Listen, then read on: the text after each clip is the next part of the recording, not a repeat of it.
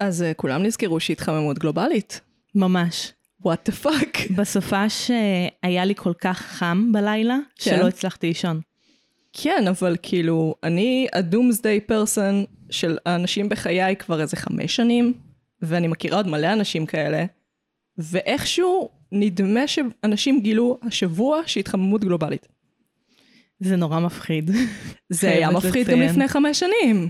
אבל זה מפחיד להרגיש את זה על בשרנו. אבל ידענו שזה יבוא. לא, לא, אני, אולי אני צינית מדי, אני לא יודעת, אולי אני לא בסדר? אני, אני לא בסדר? אני חושבת שקודם כל את לא בסדר, פייר. אה, אבל גם אנשים אחרים הם לא בסדר. כן. אבל אה, גם את מאוד צינית, ומצפה לרע ביותר מהכל. פייר. היית צריכה לראות אותי כשהתגלו המקרים הראשונים של הקורונה בסין, יואל ראה את זה, זה היה מגוחך. זה, אני תולשת שיער ואומרת, אוי לא, העולם הולך להיחרב. אה, וכן, כאילו, איך שהכרנו זה היה כן, מגי חוזת הקורונה. נכון. כי, כי ההפקת גמר שלי הייתה מותאמת לקורונה ממש מוקדם. אה, וכן, לא חזיתי את הקורונה, הקשבתי למומחים. אבל דבר. הרעיונות, אולי אפשר להעלות את הרעיונות שלך אני לעמוד יפה מאוד שלנו. ברעיונות האלה. אפשר להעלות את הרעיונות שלך לעמוד שלנו, שאנשים יכירו אותך קצת יותר. אוקיי. אה, אבל ברעיונות שלנו, אז אה, זה ממש מרגיש אה, כזה חזית את הקורונה. אז אני נשמעת מטומטמת, זה מה שאת אומרת לי. לא, את נשמעת אינטליגנטית. אוקיי, אני אקח את זה. Uh, פתיח בזמן שאנחנו שנינו נעבוד על הקול האינטליגנטי שלנו.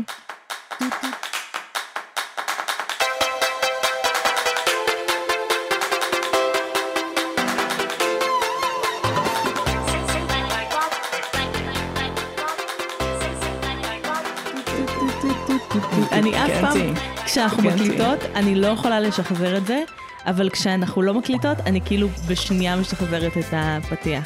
כן, כי הוא ספציפי, יש בו אני- BPM הוא זה. לא זה. כן.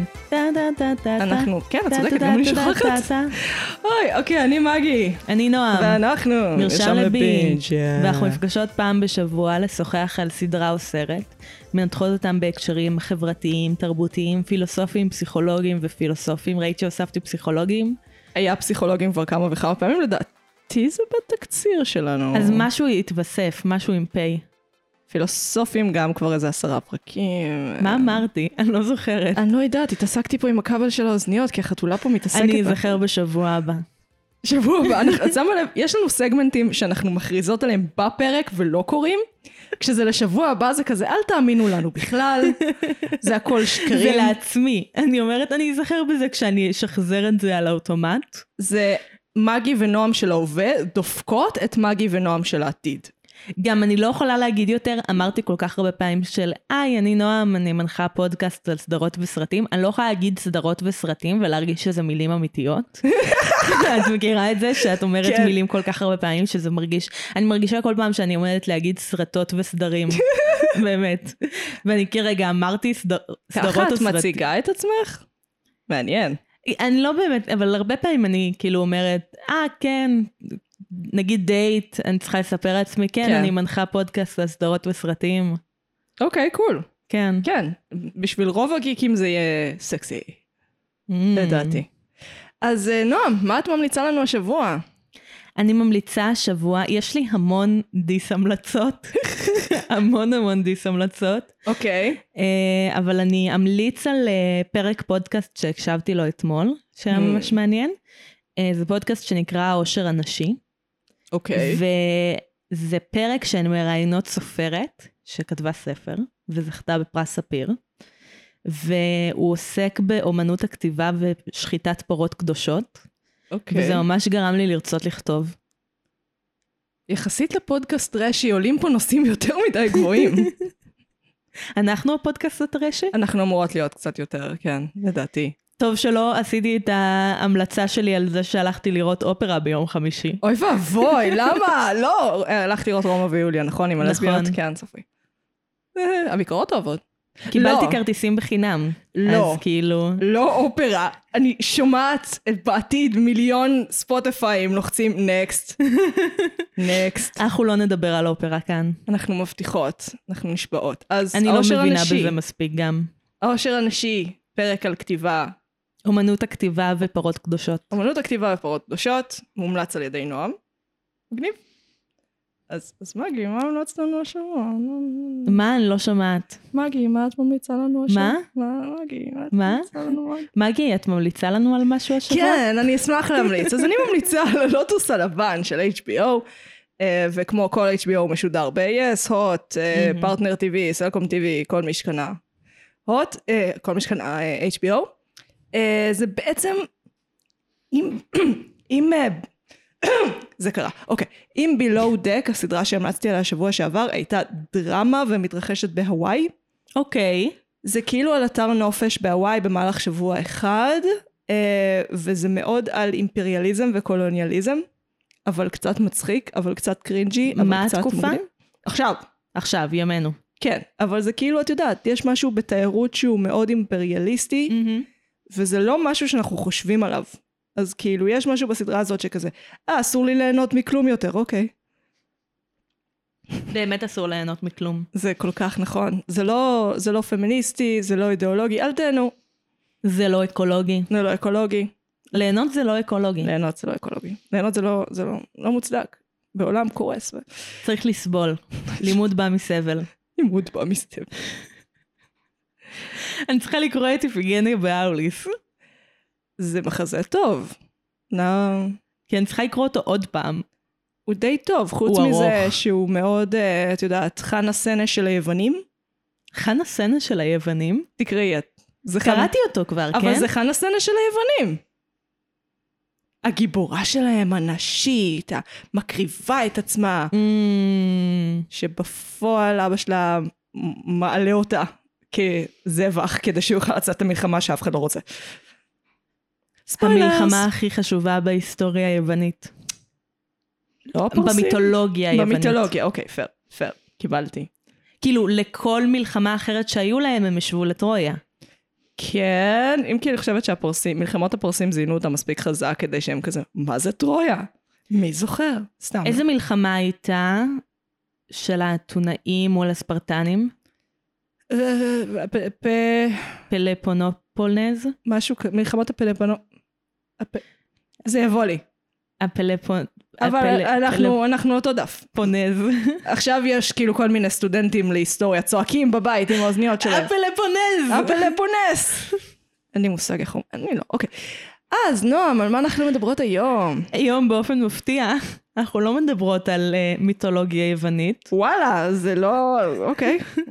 אז ואנחנו כל גם לא הסיכומים מדברות שלי על מיותרים. אופרה, מיותרים אנחנו. מדברות על הסדרה של קשת, קשת.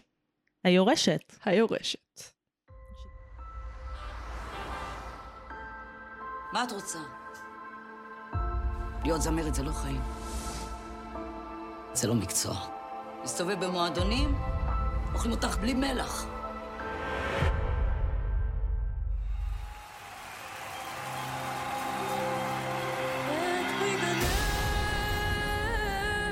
הולכת להיות הזמרת מספר אחת במדינה.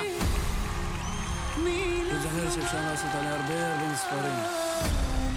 על גופתי המתה תהיי זמרת. אני אלך לכל מקום שייתנו לי, רק כדי לא להישאר במקום המסריח הזה! הזמרת שווה כסף.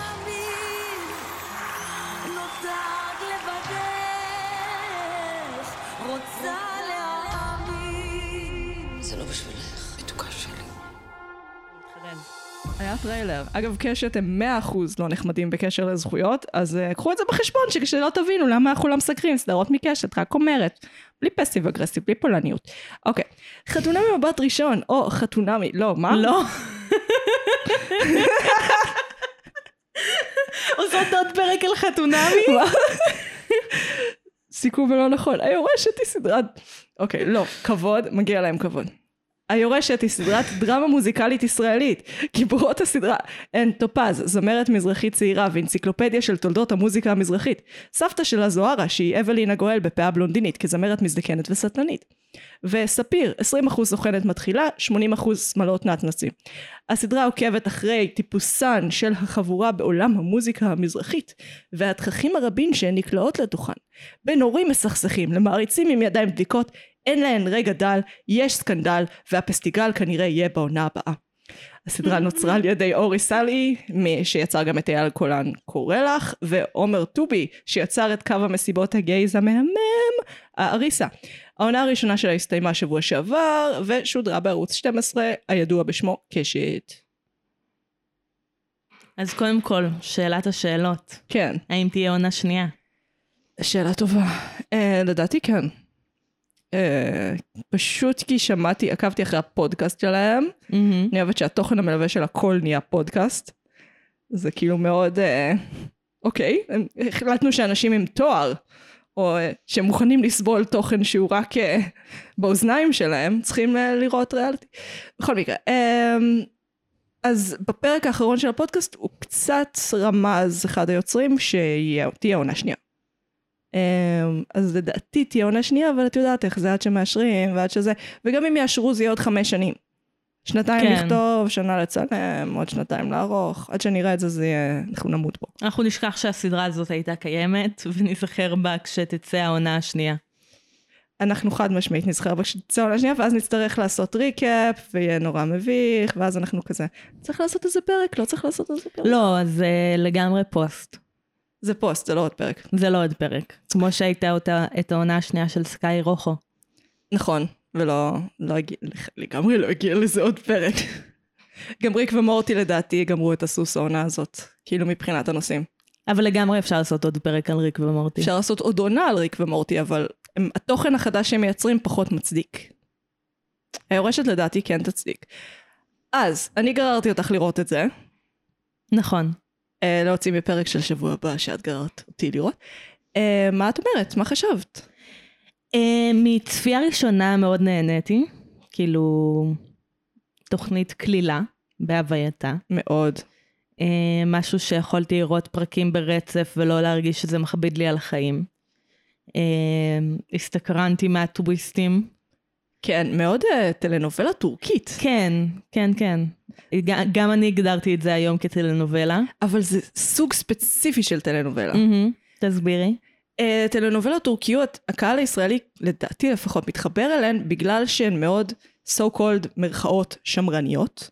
זאת אומרת, הערכים המרכזיים שלהם הם ערכי המשפחה. מהמם. אה, וגם ביורשת, הערך המרכזי הוא ערך המשפחה. גם אם זה המשפחה הנבחרת, ה-chosen family, שזה הסוכנת, והאהובה שמשחקת ליטל שוורץ, שהיא כאילו מנהלת המשרד, וה- וה- ורד חיים. ורד, שהיא המפיקה. לא ברור. מנהלת המשרד. מנהלת המשרד, אז מה אהובה? שם. לא, לא, היא, מנהלת משרד, לדעתי, היא הייתה מנהלת המשרד, אבל עכשיו ורד מנהלת המשרד. אבל אם היא אולי היא שותפה? לדעתי מפיקה, ורד. היא שותפה גם, אבל זה... לא משנה. אז זו שאלה ההתעסקות, מעניינת. ההתעסקות בערכי המשפחה שם היא נורא מרכזית, מהמם. וזה ממש שאוב מהטלנובלות הטורקיות ששואבות מהסרט, מהסרט הערבי של יום שישי, או איך שקוראים לו בעולם הערבי, סרט. אה, וכן, יש פה לדעתי, זה מכוון. לדעתי מישהו ראה כלה מאיסטנבול והיה כזה, כזה, רק זה שלא הומואים, עובד. רק שלא הומואים מזרחים. מעניין. כן. למה שלא מואים מזרחים? אחד מהיוצרים, אה, הוא ממש, הממציא של קו האריסה.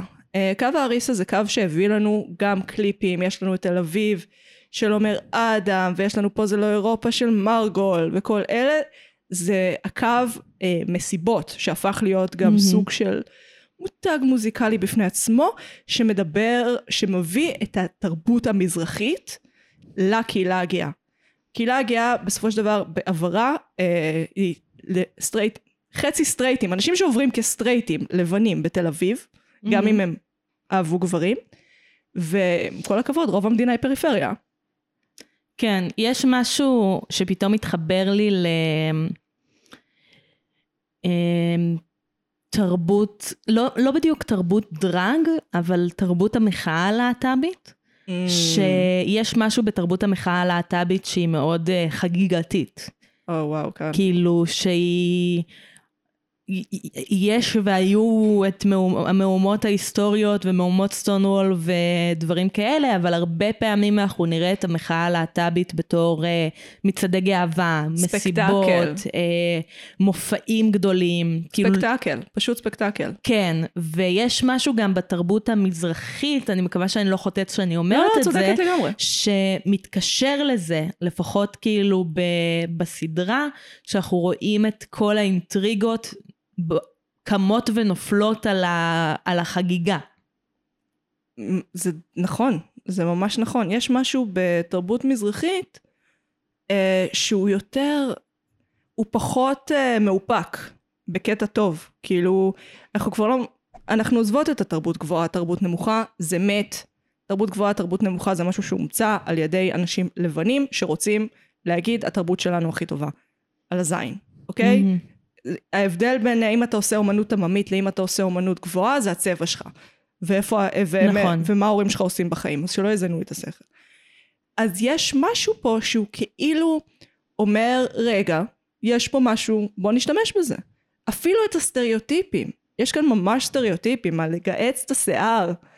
כאילו שזה משהו שאנחנו יודעים שכבר לא עושים, אבל עדיין זה יושב לנו על הסטריאוטיפ של האישה המזרחית, שהוא חוגג אותם. גם הומואים. אז פה זו שאלה. כן.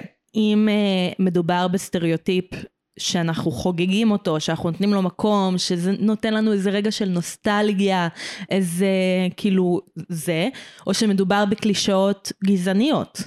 אני לא חושבת שזה, אני מסכימה איתך שזה יכול ליפול למקום הזה, אם מציגים סטריאוטיפ as is. Mm. אבל כאן יש משהו שחוגג את הסטריאוטיפ בקטע שלו, אומר, הסטריאוטיפ הזה קצת נכון, הוא נכון בדרך לא בדרך שחשבת, אבל הוא עדיין קצת נכון, והוא לא דבר רע.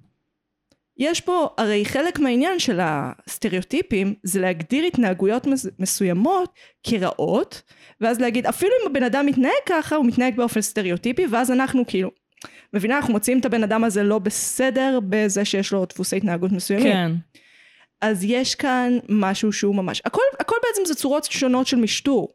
מהמם. כשאנחנו באנו ואמרנו מדינת ישראל היא מדינה של כור היתוך, שיקרנו לעצמנו. כן. כי עד כמה שכל מי שהגיע למדינה הזאת חטפת, את יודעת, את התרסיס נגד קינים ואת הלישון במעברות, בסופו של דבר מי שהגדיר את התרבות זה אותם חבר'ה שעלו מרוסיה ומגרמניה בשנות ה-20, וזהו, ואין אין בכלל מקום לדיון. אין מקום לדיון.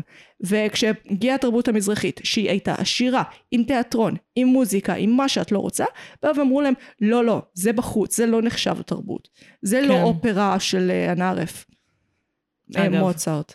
כן, אגב אופרה. אגב אופרה. אבל זה בדיוק זה. זה בדיוק זה עדיין עד היום. אנחנו ממש אומרים, כאילו, יש, יש מקום לתזמורת הפילהרמונית ויש מקום לתזמורת האנדלוסית. והם כאילו לא, אותו, לא מאותו עולם. אבל איפה הם נפגשים? אה, כשמכריחים אותם לריב על התקציב. בהיכל התרבות. עם ההופעה של זוהר עבדש. אה, אבל אגב סטריאוטיפים, אה, קשה לי להגיד על הסיפור המזרחי, כאילו על אם מדובר בקלישות או סטריאוטיפים. אני מקווה שהצלחנו להבהיר כזה מה ההבדל כן. בעינינו. אה, אבל הסיפור של הייצוג של הרוסים הוא מאוד בעייתי בעיניי. הוא, Mm. חשבתי על זה ממש בדרך לכאן. בסופו של דבר, הייצוג יוצא שמדובר באנשים שהם אוכלי חינם, אלכוהוליסטים, לא יודעים עברית, וגזענים. תקשיבי. אני חושבת שזה קשור מאוד למה שהסדרה באה לעשות. אני, אמנם, יש לי גם בתערובת האינסופית שהיא הגזעים שאני, אני גם רוסיה, בין היתר, אז כאילו, כן נחשפתי לתרבות הזאת, גם המשפחה, גם גדלתי בפתח תקווה, כל החברים שלי רוסים, אבל, אבל לא מספיק כדי שאני אוכל להגיד, אני חושבת שהסטריאוטיפ נכון. אבל, יש משהו, אני חושבת שזה יותר קשור לזה שאנחנו יהודים מאשר לזה שאנחנו מתרבויות. שהוא מהמם. קצת גזעני, הוא קצת מתנשא, הוא קצת אה, תמיד שם אותנו, כל יה- סוג של חדש של יהודי שעולה לכאן, כן. מתחיל למצב את עצמו באיזשהו סולם, ואיך הוא דורך על האלה למטה כדי לטפס לאלה למעלה. בדיוק מה שנטשה אומרת באחד הפרקים. כן, אבל האם זה לא נכון? לא, אני חושבת שזה לגמרי נכון, המשפט הזה. כאילו, המשפט שנטשה אומרת, אה, אה, המרוקאים הגיעו, אז האשכנזים אמרו להם, אתם, אנחנו בעלי הבית ואתם תאכלו חרא. אז הרוסים הגיעו, המרוקאים אמרו לרוסים, אה, אנחנו בעלי הבית, אתם תאכלו חרא, ואז הגיעו האתיופים והם אוכלים את כל החרא עכשיו. יפ. זה נכון, זה, זה אמירה מדויקת וביקורתית על החברה. נכון. מכאן ועד הייצוג של הרוסים אך ורק בתור הדבר הזה, בתור ה-bad guys, בואי נגיד את זה בכנות, של הסדרה, כן. זה בעייתי. אני לא חושבת שהם ה-bad guys, אני חושבת שיש bad guy ספציפי, שהוא חצי אני רוסי. חושבת שמאור הופך להיות מאוד מהר ה-bad guy. אה, כן, הוא די באופן מובהק ה-bad guy. אפילו אה, מאור הוא אח של ספיר הסוכנת, הוא מנסה לגנוב את טופז אה, ללייבל אחר. אולי צריך להגיד מאור. מאור. אני אף פעם לא מבדילה בין מילי למלרע, אין לי את זה. זה יושב לי על הדיסלקציה. אז כאילו הוא ה-bad guy, אימא שלו היא שם, האם היא יותר bad guy משריקי נגיד? היא מאוד מניעה את מאור. היא מניעה את מאור בקטע של, תקשיב, מגיע לנו חיים טובים פה. שזה הנאה של כן, אבל כולם. היא... אה, לא בדיוק. היא גם אה, מניעה אותו מתוך הרגשות אשמה, יגרשו אותי מהבית, יגרשו אותי מהבית. מה את עושה כדי שלא יגרשו אותך מהבית? עובדת קשה, אנחנו יודעים שהיא עובדת קשה. במה היא עובדת? היא מנקה, היא הייתה מנקה לפני זה. אבל לא רואים אותה. לא, רואים לא, אותה חוזרת מהעבודה, הוא אוסף אותה. היא... לא, זה לא נכון מה שאת אומרת. היא, החברה שלו חושבת שהיא מנקה, אבל היא מגיעה לבית כדי לקחת אוכל. אני ממש בספק שהיא לא עובדת, זה נראה לי, היא לא יושבת על לא, משהו. סבבה, אני לא אומרת שהיא לא עובדת, כן. אבל יש פה איזה משהו פישי. זה לא וגם ברגע שאפשר, אז היא כאילו תביא עוד כסף, תביא את טופז, תעשה את זה, תעשה ככה, תתחתנו. נכון, אבל כל הדמויות שם הן מאוד מניפולטיביות להוציא מספיר, וכביכול טופז. כל הדמויות שם הן מאוד מניפולטיביות, הן מתנהגות ככה. טופז היא מלכת הדיבות. וואי, ואין לה הצדקה. בואי נדבר על זה. אין לה הצדקה להיות כל כך דיבה. הפרק שהיא, שהיא פשוט הורסת להם את הצילומים של הקליפ, אני נורא. כבמאי, אבל זה... ברור לי שהבמאים בכוונה עושים לי את זה. הם כאילו צוחקים על זה שאני בצד השני, האליטיסטית, חוטפת את ה cringe, כן? הם מהמם. כזה, כאילו עזבי, זה הכל צחוקים, זה הכל זה. וואי, כשהיא חוטפת שם את האוטו של הצילומים, אני Mm. ישבתי וצעקתי על יואל, יואל זה מושכר, אין לה ביטוח, היא לוקחת את כל הציוד, היא משאירה את כל הצוות שם, זה יום צילום, זמן זה כסף, אה! היא- הוקרנג'תי. היא פשוט מלכת הדיבות. אין לה כן. שום, כאילו, היא לא הגיעה לאיזשהו מעמד שיכולה להצדיק את זה. היא בת שתיים אבל. זה איך שהם מצדיקים את זה, שהיא זמרת מתחילה. והיא עדיין לא מבינה כאילו איפה היא צריכה לשים את המשקל שלה. מאיפה, זה לא קשור למאיפה היא הגיעה, לזכות הענקית שהיא מקבלת, אין שום קשר להתנהגות הזאת. שוב, זה מרגיש לי ממקום של גיל. אנחנו הכל מייחסים ישר ל- למזרחיות, כי בסופו של דבר מדובר על סדרה על מוזיקה מזרחית, שחוגגת סטריאוטיפים מזרחיים, שלא כן. מתביישת. אבל לדעתי החלק הזה נובע מגיל, ושוב רצון של הבמאים לצחוק עלינו, שאנחנו סובלים. כי זה הרי, כי הכל נורא קליל ופאן, למה אתם לוקחים את זה ברצינות? מה אתם לוקחים אותנו ברצינות? זה כזה, מבינה? אז מה, מה האובססיה של התרבות הקווירית עם התרבות המזרחית? מה, מה את חושבת? יש עניין. אני רואה את זה יותר ויותר, כאילו זה תופס יותר את הקו. כן. יש איזה, זה קצת פושבק, קצת תגובת נגד על ה... מאיזה בחינה? לגל אוחובסקים של העולם, למרות שאני יודעת שגל אוחובסקי הוא. כאילו לא להיות אה, העילי- אה, העילאים והמתנשאים? כן, לחגוג את הגבר, זה אגב, זה לחלוטין של הומואים, ולא של להט"ב. Uh, הגבר הגדול, השעיר, המזרחי, ששומע uh, אייל גולן, כאילו, ושומע, אני לא יודעת, כאילו ממש הארדקור, זוהר אלפסי, כאלה, מהמם. ולבוא ולהגיד גם זה הומואי. לא רק דפנה דקל וזה רק ספורט או אילנית באירוויזיון. דפנה דקל? זה רק ספורט, רק ספורט. כן, אירוויזיון, לא יודעת, נתפס לי בראש. זה היה לנו כבר לפני שני פרקים עם קובי, ד- דפנה דקל. זה למה בא לי דפנה דקל עכשיו? כן. interesting. interesting. interesting. אז זה, הסדרה היא בעצם הקו המשך של האריסה. מה את חושבת על אה, החבר של נאוריי? חבר של נאוריי. נאוריי, את זוכרת מי זה נאוריי? I do not. הבן של שריקי? כן. הוא הומו. אה, וואו, זה ממש הם. הזוג הזה הייתי כזה, אה, הנה, זה האנשים שהסדרה עליהם באמת. זה אומנם מלא דמויות נשיות וגרסאות שונות של מגי הזרזר, אבל עדיין הסדרה היא על הגברים האלה שבאו לארוחת אה, שישי, שמכבדים את המשפחה, שהם קצת מסורתיים. זה ממש טייפ ספציפי שבאים לחגוג. ושוב, זורם לי, זה עובד לי טוב, גם כי זה לא... זה לא שונא נשים גם. אה, הדעות ממש חלוקות. וואלה. את, את, אני מניחה שראית, ראיתי דיברנו את על זה. הביקורות, כן. הביקורות מאוד חלוקות. כן. יש ביקורות שראיתי שמהללות את הסדרה ואת העצמה הנשית, כן. וקוראות לדמויות הנשיות אמזונות עם פג'ורה, הם באמת המזונות עם פג'ורה. ויש אה, ביקורות שאומרות ש... אמ, הדמויות אה, חלשות, מנסות להסתדר בעולם פטריארכלי שהגברים אה, מנסים אה, למעוך אותן כל הזמן. לא זוכרת מה עוד היה כתוב. יש מה שהסדרה עושה ויש מה שהמציאות. הסדרה כן נותנת לך דמויות נשיות חזקות, גם אשכנזיות, גם מזרחיות, אבל נותנות לך את זה. ומצד שני הם באים לדבר על זמרות מזרחיות, שזה משהו שאנחנו יודעים שאכלו חרא ואוכלות מהמם. חרא. ויש הרי גם אה, מאור, מאור, הופך להיות הגבר הנצלן הזה שמנסה להתעלק על הזמרת, שראינו את זה מיליון פעם, עם מיליון זמרות. מהמם. באמת, חוץ משרית חדד, אה, שכן, מעניין, שכן, מעניין למה, כן, כן. מעניין מאוד. אנחנו כולנו יודעים, שרית, אבל אוקיי. אה, מוזמנת לפודקאסט לדבר על זה. היא לא תעשה את זה, היא לא... זה לא יקרה. אז ממש, יש גבר תמיד שמתעלק עליהן. אבל בסדרה הם יראו את הגבר הזה, והם יראו איך הוא מפסיד. מבינה מה אני אומרת? כאילו, הם לא התכחשו לעולם שאנחנו חיים בו, אבל הם עדיין, חזרנו לפנטזיה הליברלית, עדיין יהיה לנו קצת את האלמנט הזה. בסוף, ספוילר, שהיא בוחרת בספיר, אז זה ממש מובהק. זה כזה... נגיד על הסוף, זה גם מעניין, אה, כי בעצם באיזשהו מקום, יש, יש שתי דרכים לקרוא את הסצנה הזאת. כן. יש את ה... זה שהיא הולכת והיא חוזרת והיא אומרת, מה שהכי חשוב זה משפחה, אה, אני בחרתי במשפחה, בגלל זה בחרתי בכן. או, הקלה מאיסטנבול.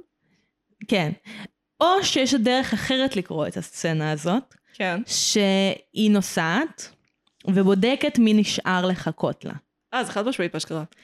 אז מה היה קורה אם מאור היה מחכה? כאילו אם שניהם היו מחכים. הסצנה כאילו... זה לדעתי בעיה בכתיבה. אגב, התסריט נערך על ידי אבי נשר, שמסתבר שממש בקטע של מוזיקה מזרחית. אני הייתי כזה, אוקיי, interesting.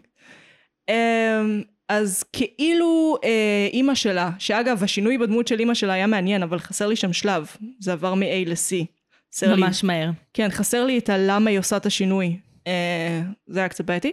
אז בעצם היא אומרת לה, האמא שלה, תסתכלי מהבמה כשאת שרה, ואת תדעי. את תדעי במי את רוצה לבחור. ואז כשהיא שרה זה נראה כאילו היא רוצה לבחור במ- במאור. כאילו, Mhm. ואז יש, אבל אז היא רצה החוצה בקטע של אני כבר יודעת במי אני אבחר, ואז יש את הסצנה שאת מתארת, שכאילו אה, היא נכנסת לאוטו נוסעת, ומאור מתייאש והולך, ורק ספיר מחכה לה, והיא כאילו חוזרת רק בשביל ספיר. כן. יש פה בעיה בכתיבה. לא הכל מושלם, זה בסדר, אנחנו עדיין אוהבות את הסדרה. מעניין. האם את חושבת שהסדרה היא קמפ? אה, אמרת לי את זה לפני שראיתי את הסדרה. הזהרתי אותך, כי ראיתי שהרבה אנשים ראו אותה ברצינות וזה דפק להם את החוויה. אני לא יודעת כמה הרגשתי את הקמפ. ראיתי אנשים שכותבים על זה. אני מאוד אוהבת קמפ. אני מאוד בקמפ של הקמפ. במחנה. קמפ של הקמפ. יואל ישמח על המשחק מילים הזה. אם הוא יקשיב לנו. לא, לא, לא, זה לא יקרה. הוא מקשיב כשהוא כאן. אמ, אבל לא הרגשתי את זה. כאילו מעבר לוורוד והצבעוניות וזה שהיא לובשת ורוד כל הזמן ויאללה חגיגה וחפלה. בואי ניתן שנייה את ההגדרה של קמפ. כאילו, לפי ג'ודית באטלר, הכותבת הידועה, או שזאת הייתה נורה אפרון. נדמה לי ג'ודית באטלר, לא משנה. אה, היא הגדירה את זה כרצינות שנכשלת. failed seriousness. זאת אומרת, אתה מנסה, לס... כמו נגיד הסרט The Room, או כמעט כל טלנובלה, שהמשחק Mm. הוא נורא מוגזם, אבל הם כאילו, זה לא בצחוק, הם עושים את זה. בכוונה. אבל היום זה כבר לא נראה ככה. כי היום קמפ, שהוא לחלוטין משוייך לתרבות הלהט"בית, אם כי לא רק, אה, זה בכוונה. זה... הם משחקים כישלון של רצינות. זאת אומרת, אין פה באמת כישלון, כי זה הכל מאוד מכוון. אז טכנית... אני מכירה את זה בתור דבר מאוד אחר, אז זה מחדש לי. מה ההגדרה שאת מכירה? אני אחפש את זה עוד מעט. זה אבל, אה, בתיאוריות קוויריות, זה מה ש... כן, אני מכירה את זה יותר... אמ, אם אני אנסה להסביר את זה על רגל אחת, זה יצא ממש מחורבש. נשיא. אמ, אני מכירה את זה יותר באפיון התנהגות של אה, גברים הומואים. כאילו שדרג זה קמפ, ש... אמ, דרג, דרג זה קמפ כי זה משחק גרוע מכוון. מבינה? כן, אני מבינה גם את מה שאת אומרת, זה נשמע לי ממש מעניין, אבל uh, אני כאילו, זה לא התחבר לי עד עכשיו. מעניין. מישהי הבריזה מתיאוריות קוויריות. לא נכון, לא הברזתי. אוקיי. אז מישהו פספס את השיעור הזה בסילבוס, I don't know, זה 100% מההשכלה שלנו, אני יודעת אחר זה. זה לא שאני כזה יושבת בבית, מעניין מה, מה התיאוריה לגבי קמפ, אני, אני רוצה לדעת. את מהנהנת, אנחנו בפודקאסט. היה לי רעיון. היה לך רעיון? כן, יש לי איפה לקרוא מה זה קמפ. ויקיפדיה? לא. קמפיבדיה? דרג, דרגפדיה? דרגפדיה זה על, ספציפית על רופול. זה הגדרה סופר צרה ואכזרית.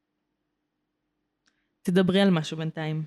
אוקיי, אמ, אז אה, מה קורה? מה שלומכם? אני, אני אהבתי את הסדרה היורשת סך הכל. אני חושבת שאם אתה רואה אותה ברצינות אז כאילו, אתה לא תהנה, אתה לא תהנה, כי זה לא רציני. הנושאים הם רציניים, אבל הדרך שבה הם עשו את הדבר הזה היא כזה fun, games וכזה. שב בבית ותצחק ותהנה, ונועם, נו מה נסגר? קמפ, מבחינה אסתטית, למיקרופון. הקריאה הקווירית של מגדר ומיניות מתרגמת לאופן קליטה וביטוי המכונה קמפ. זה ההגדרה החדשה. קמפ היא גישה אסתטית פוסט-מודרנית, שהופיעה בשנות ה-60 בארצות הברית, שלפיה ניתן לזהות יופי אירוני ענין בתופעות אופנתיות הלוקות בחוסר טעם קיצוני, או בביטויים מובהקים של פרובנציאליות וכיעור. זה סוג של מה שג'ודית באטלר אמרה, אוקיי. המושג אובחן והוגדר כתופעה תרבותית על ידי המבקרת סוזן סונטג, damn it! שפרסמה ב-1964 מאמר בשם הערות על קמפ. אני מתבלבלת בין כל השלישייה טענה הזאת. סונטג כי קמפ מציג את האנושי כמסכת של ניסיונות כושלים לרצינות, ייי. תוך התייחסות לרגשותיה ולאופנותיה של תקופה מסוימת. קמפ משקף אסתטיקה של המלאכותי והסינתטי, המשועתק בייצור המוני. חובבי קמפ טוענים כי קמפ הוא שקר שמעז לומר את האמת. אוקיי, זה חד משמעית האבולוציה של הקמפ בהגדרת ויקיפדיה ארוכה מאוד אחת. יש עוד, אבל אני לא לא, אקריא לא, לא, הכל. לא.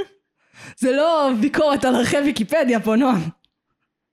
שאני יודעת. אולי. מתבל... יש גם את קיץ'. את מדברת ליד שלך כרגע.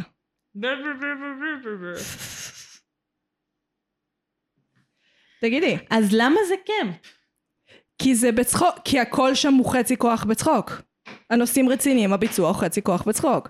הכל, אפילו לרמת הקליפס מספרה הוורוד שלהן. האם קמפ הוא הצדקה למשחק גרוע? כן. כן, זה, אין שם משחק גרוע בעיניי, יש שם משחק ספציפי מסוגנן, כי, ש- כי שוב, כבר היום זה לא... אין דבר כזה. מעט מאוד אתה תמצא גרוע באמת, זה מה שהופך קמפ לכיף, שהוא סך הכל, כשהוא באמת הוא נדיר.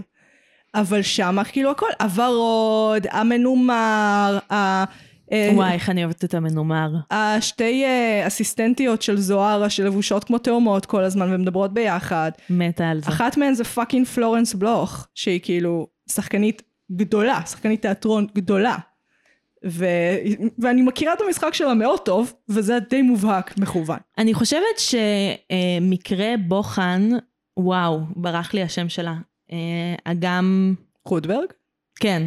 זה מצחיק. אה, אז היא מקרה בוחן מעניין, כי היא משחקת מאוד שונה בסדרה הזאת מ- מעצמה. מעצמה, כן, כל, כולם, גם, אה, איך קוראים לה? ליטל שוורץ משחקת שונה מעצמה. שזה תמיד טוב. אנחנו אוהבות שחקניות מגוונות. את מכירה את הטעם שלי, את יודעת שלי לא אכפת כל עוד המשחק טוב, אבל הזין שלי שתהיה מגוון. אוקיי. אה, אני חושבת שאפשר להסתכל על המשחק שלה, לפחות בחצי הראשון לפני שוורד עושה שינוי ומשתחררת והופכת להיות אישה פרועה וחופשייה. אה, נראה לי היא הופכת להיות אישה שבשליטה על החיים שלה. כן, אז אה, אפשר לראות את המשחק של ורד המופנמת וה... לא בשליטה. כן, אבל היא חצי כוח הרזונר שלנו גם. עם מה? חצי כוח הרזונר שלנו, יעני, מי שמוביל את איך שאנחנו הצופים רואים את זה. זאת אומרת, רובנו, אה, שנצפה בסדרה, עם כל הכבוד למוזיקה המזרחית, הרבה אנשים, ובואי לא נהיה צבועות פה, יש להם בעיה עם המוזיקה המזרחית. גם אנשים מסגנון מסוים שאומרים לך שהם אוהבים מוזיקה מזרחית, הרבה פעמים זה יהיה כזה בקטע חצי אירוני, לגמרי. בקטע של כאילו, את יודעת, אה, אני, אני לא מנותק משאר העם, אבל משהו במוזיקה המזרחית, או משהו בגזענות המופנמת שלנו, גם האוטו-גזענות וגם גזענות, מונע מאיתנו לאהוב את זה באמת. למרות שזה טוב, ואנחנו יודעים שזה טוב, אחרת לא היינו אוהבים את זה באופן אירוני. זו סוגיה מעניינת. והיא כאן לגמרי. כאילו אני כן, אני כל פעם שאני מקשיבה למוזיקה מזרחית, אני ממש מוצאת את עצמי בדיון הבלתי נסבל הזה של את מקשיבה לזה כדי לעשות על מי רושם על עצמך, את באמת אוהבת את זה, ואם את לא באמת אוהבת את זה את גזענית, אבל זו המוזיקה שגדלת איתה, למה את לא אוהבת את זה? וזה תמיד ככה, זה תמיד הדיסוננס הזה. ואז כשיש שיר שאני אוהבת באמת, זה עדיין שם, ויש שיר שאני לא אוהבת באמת, זה גם שם. ו... וגם, האם את אוהבת משהו בצורה אירונית, האם זה אומר שאת אוהבת אותו באמת? לא. אני לא בטוחה. לא, זה אומר שאני מתנשאת עליו. זה אומר שאני כן. מתנשאת עליו, זה אומר שאני, עם כל מה שאני אומרת על תרבות גבוהה ותרבות נמוכה, זה לא הופנם כמו שצריך. כי אני עדיין מזהה דברים כתרבות נמוכה, ואני עדיין מכריחה את עצמי להסתכל עליהם באופן שהוא לא אובייקטיבי. זה כאילו תירוץ כדי לתת לעצמך את האפשרות ליהנות מהדבר. כן, אבל למה אני לא מסוגלת ליהנות מזה באמת? כאילו, זוהר ארגוב, באמת, שמעתי כל הילדות. למה אני מרגישה שאני צריכה להגיד את זה כדי להצדיק אחר כך למה אני לא אוהבת את קובי פרץ? כל, ה... כל ההסתכלות על התחום של המוזיקה המזרחית הוא פשוט, אתה לא תצא מזה. גם את יכולה להגיד uh, שהיום יש תחנות שמאזינים לזה, וזה בשיא, וזה הכי פופולרי, והם עושים הכי הרבה כסף, ליתר דיוק, היחידים שעושים כסף. במוזיקה, והכל נכון. ועדיין רוב הציבור הישראלי, כביכול המשכיל, כביכול זה שנחשף לדברים מהעולם, כביכול, כביכול, כביכול, האוזן שלו תפוקה. הוא לא. כן. מסוגל לשמוע את זה נקי. הוא לא מסוגל. ואנחנו רואים את זה גם בסדרה, אבל גם בדיונים כמו על למה בגלגלצ לא משמיעים, ולמה זה, ואז אנחנו כזה. רגע, אבל אם ישימו בגלגלצ, האם אנחנו עושים גזע... האם, האם זה גזעני? כי אנחנו כאילו לא, לא בוחרים באופן אובייקטיבי? האם אפליה מתקנת זה גזעני, את נכ- מתכוונת? נכון, אבל, אם, אבל האם יש צורך באפליה מתקנת? זה אומר שגם עכשיו אנחנו בגזעני. עכשיו אנחנו בגזעני. זה הכל גזעני, אי אפשר לצאת מזה, המוזיקה המזרחית פשוט לוכדת אותך בזה. מבינה מה אני אומרת? כן. אני מנסה לחשוב על פתרון. אין לי, הלוואי היה לי. מקשה עליי את החיים רצח. ראיתי את הסדרה הזאת ואני כזה. זה כל הזמן גרם לי לחשוב על זה. כאילו בכלל כל ההסתכלות שלי על התרבות המזרחית שזו תרבות שגדלתי בה. אבל עדיין אני לא יכולה להפסיק להסתכל מהמבט האנתרופולוגי, החיצוני, השופט, שמשווה כל הזמן לתרבות המערב. כן. כן, כאילו גם הכלים ש... שעולים כביכול, גם ה... ההופעה של זוהר עבדש בהיכל התרבות, כן. זה שוב לשים את המוזיקה המזרחית. בכלי המבחן של העולם המערבי. נכון. כאילו גם אני, עלה לי, טוב, אז צריך ללמוד את זה כדי להכיר את זה, אבל זה גם, כאילו, מה, לכי ללמוד קורס ב, בא, באוניברסיטה על מוזיקה מזרחית, יש בזה גם משהו שהוא קצת אה, מוזר. עקום. כן. בדיוק. קוסמק, איך פותחים את החרא הזה? זה, אה, גם אני, זה גם בתיאטרון. נגיד, עשיתי מחקר בזמנו בתואר, תחילת תואר שני, על אה, תיאטרון מצרי, על הפעם הראשונה שהעלו מחזמר מצרי בישראל. והם כאילו ניסו שזה יהיה נורא, הם נסעו לאלכסנדריה מיד אחרי הסכם השלום, להשיג את האישור של מחפוז, שכתב את הספר שעליו מבוסס המחזה. ולאורך כל המחקר שלי אני כזה, וואי, איזה אנשים אופטימיים. ואז אני כזה, כל הביצוע של המחזה אכול בגזענות. אכול. הסיבה שהם בחרו בכלל במחפוז במקום במחזה, זה כי הם חשבו שהמחזאות אה, המצרית שווה לתחת, ורק אה, מחפוז יודע לכתוב. ואני כזה, fuck. זה האנשים, זה האנשים שניסו. והאנשים שניסו, יצא להם מאוד גזעני. אז מה נעשה? לא ננסה יותר? צריך לעשות את זה ביחד פשוט. אבל היו מעורבים, היה, היועץ לדבר הזה היה ראש התחום של ספרות ערבית, והוא אמר להם בדיוק מה לא לעשות ועדיין עשו את זה. אז זה מטומטם. אז אני לא יודעת מה להגיד לך. אין לי פתרון, וזה מחרפן את אותי. יודעת מה להגיד, להקשיב לבן אדם שמבין בזה יותר ממני. כן, אבל אז... אז האם אני נותנת... האם היראת כבוד שלי לא מזויפת? לא. כשאני מתעסקת בנושא שאני לא יודעת בו, אז אני אתייעץ ואקשיב לבן אדם שמבין בזה יותר ממני. זה על כל נושא.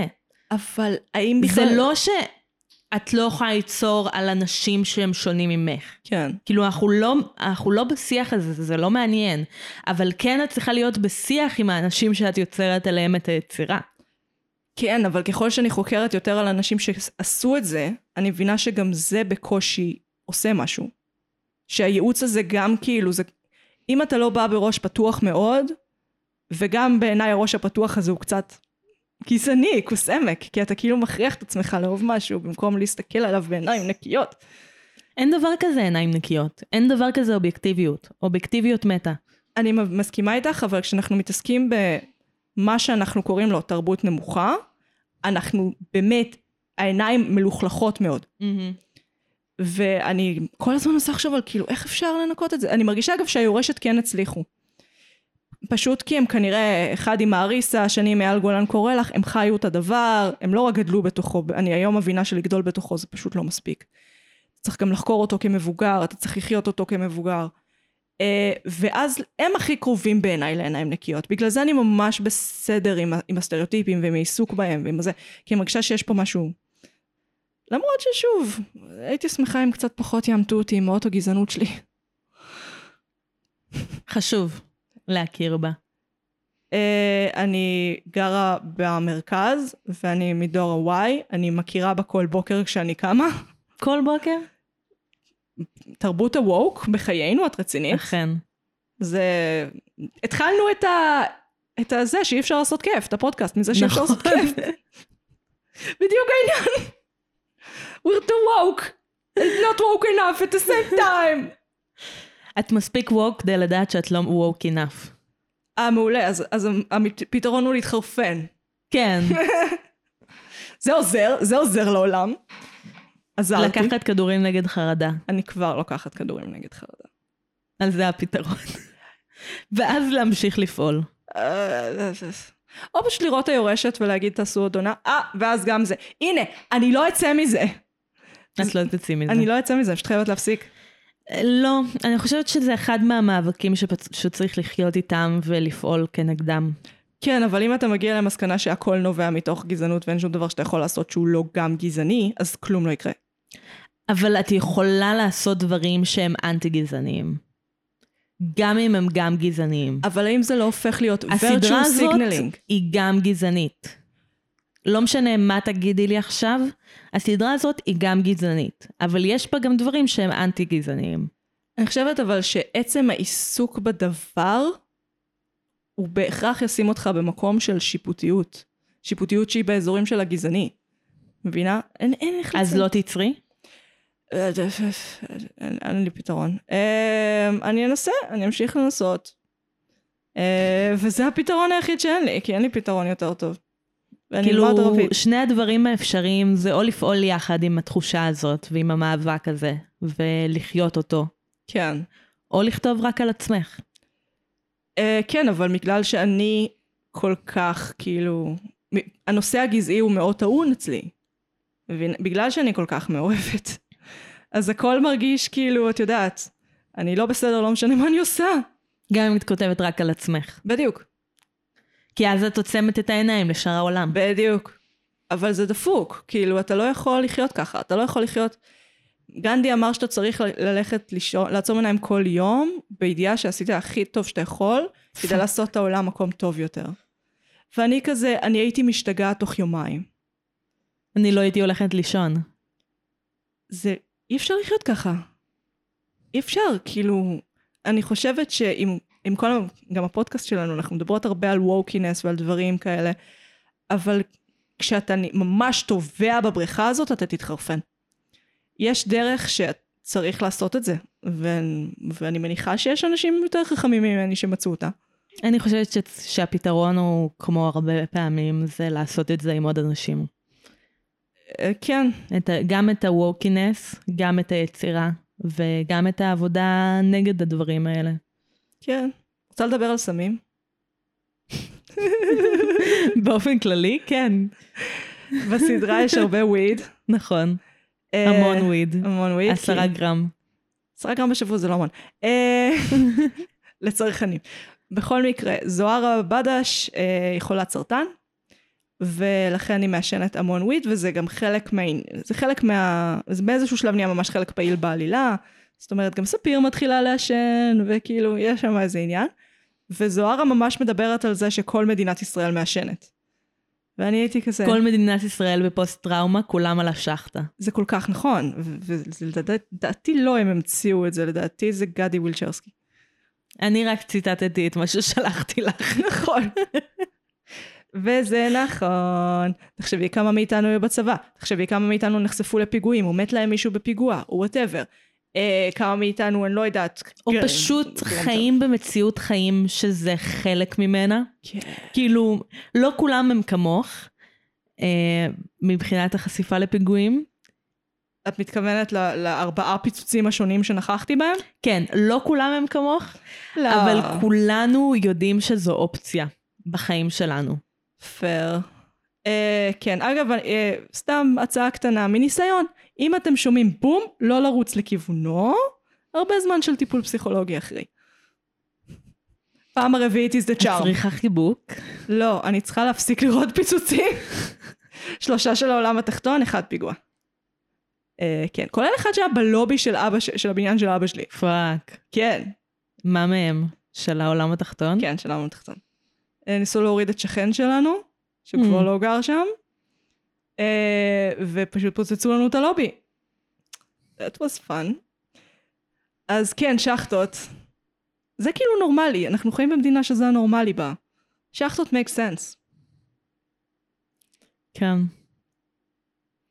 היי, יש משהו ששכחנו לדבר עליו לפני סיום?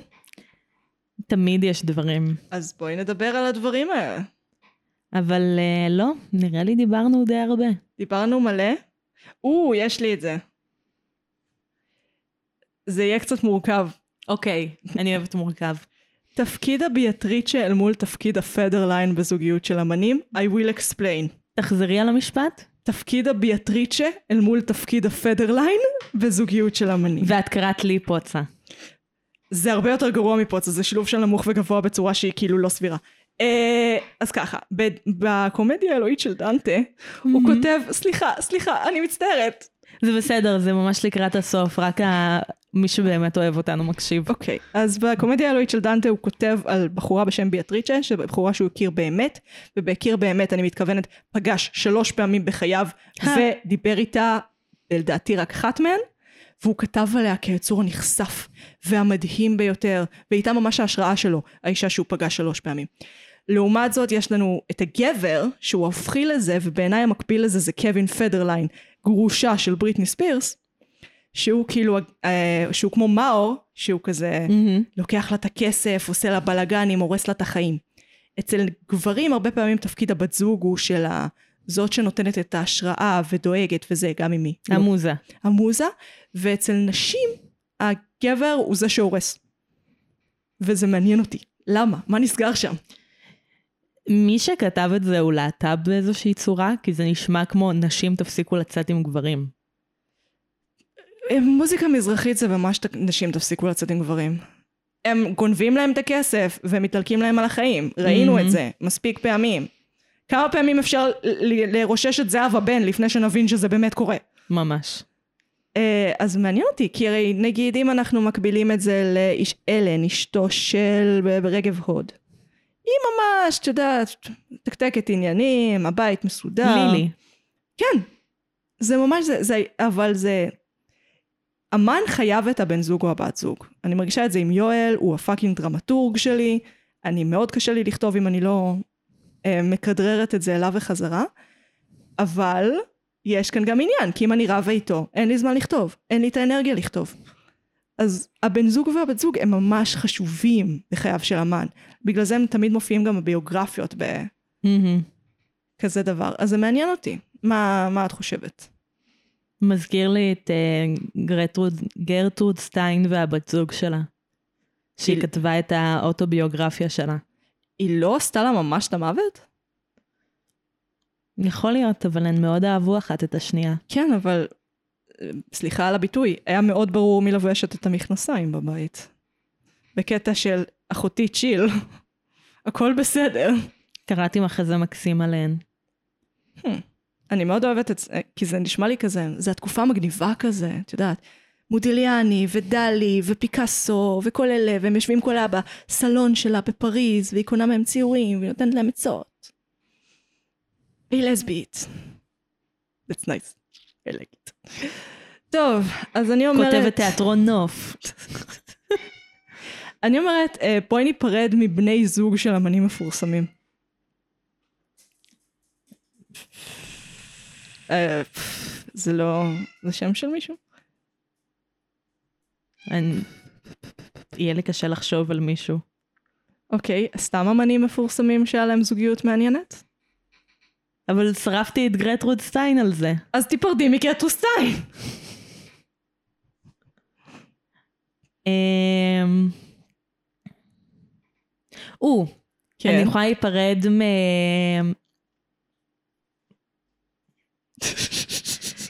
סימון דה בובואר, כן. שהייתה בזוגיות עם כן. אלבר קאמי. זה הסרטר. לא. זה הסרטר, אני? מחזירה לך על סונטג. יש! shit! וואי, אנחנו פוציות בגבוה בפרק הזה, אני מתה. את בטוחה? כן, כן, מאה אחוז, סרטר. נכון. מאה אחוז. אז אה, סרטר. והם היו אקזיסטנציאליסטים ביחד, וזה כזה חמוד, אני אוהבת אקזיסטנציאליזם. הוא בגד בה כל כך הרבה.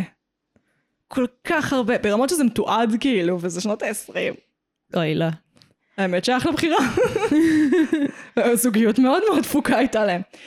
Uh, ממי אני רוצה להיפרד? אני רוצה להיפרד uh, מנס... מהבן זוג של נסרין קדרי, Hmm, uh, שהבנתי שגרם לזה שהיא עזבה את הסוכנות שלה, ושיש ריבים וצעקות, ואולי יש שם עניין עם אלכוהול, ויש עניין. וגרם לה ללמוד ללכת. או, הוא היה אגב המתופף שלה, שזה הגרסה של זמרות מזרחיות ל- לצאת עם הרקדן שלי. לדעתי. ואפשר תמיד להיפרד מהזוג שהוא אינדיקה והעציץ הזה. וואי, אינדיקה היא פשוט, החיות שלנו לא אוהבות שאנחנו מקליטות. די, וואי, גומרת עליו. טוב, בואי נסיים להקליט לפני שלא יהיה עציץ פה. ממש. אז אני הייתי מגי, אני הייתי נועם. ואנחנו היינו... מרשם לבינג'. יאללה ביי חיים. ניפגש בשבוע הבא. שמות כפרות שלי.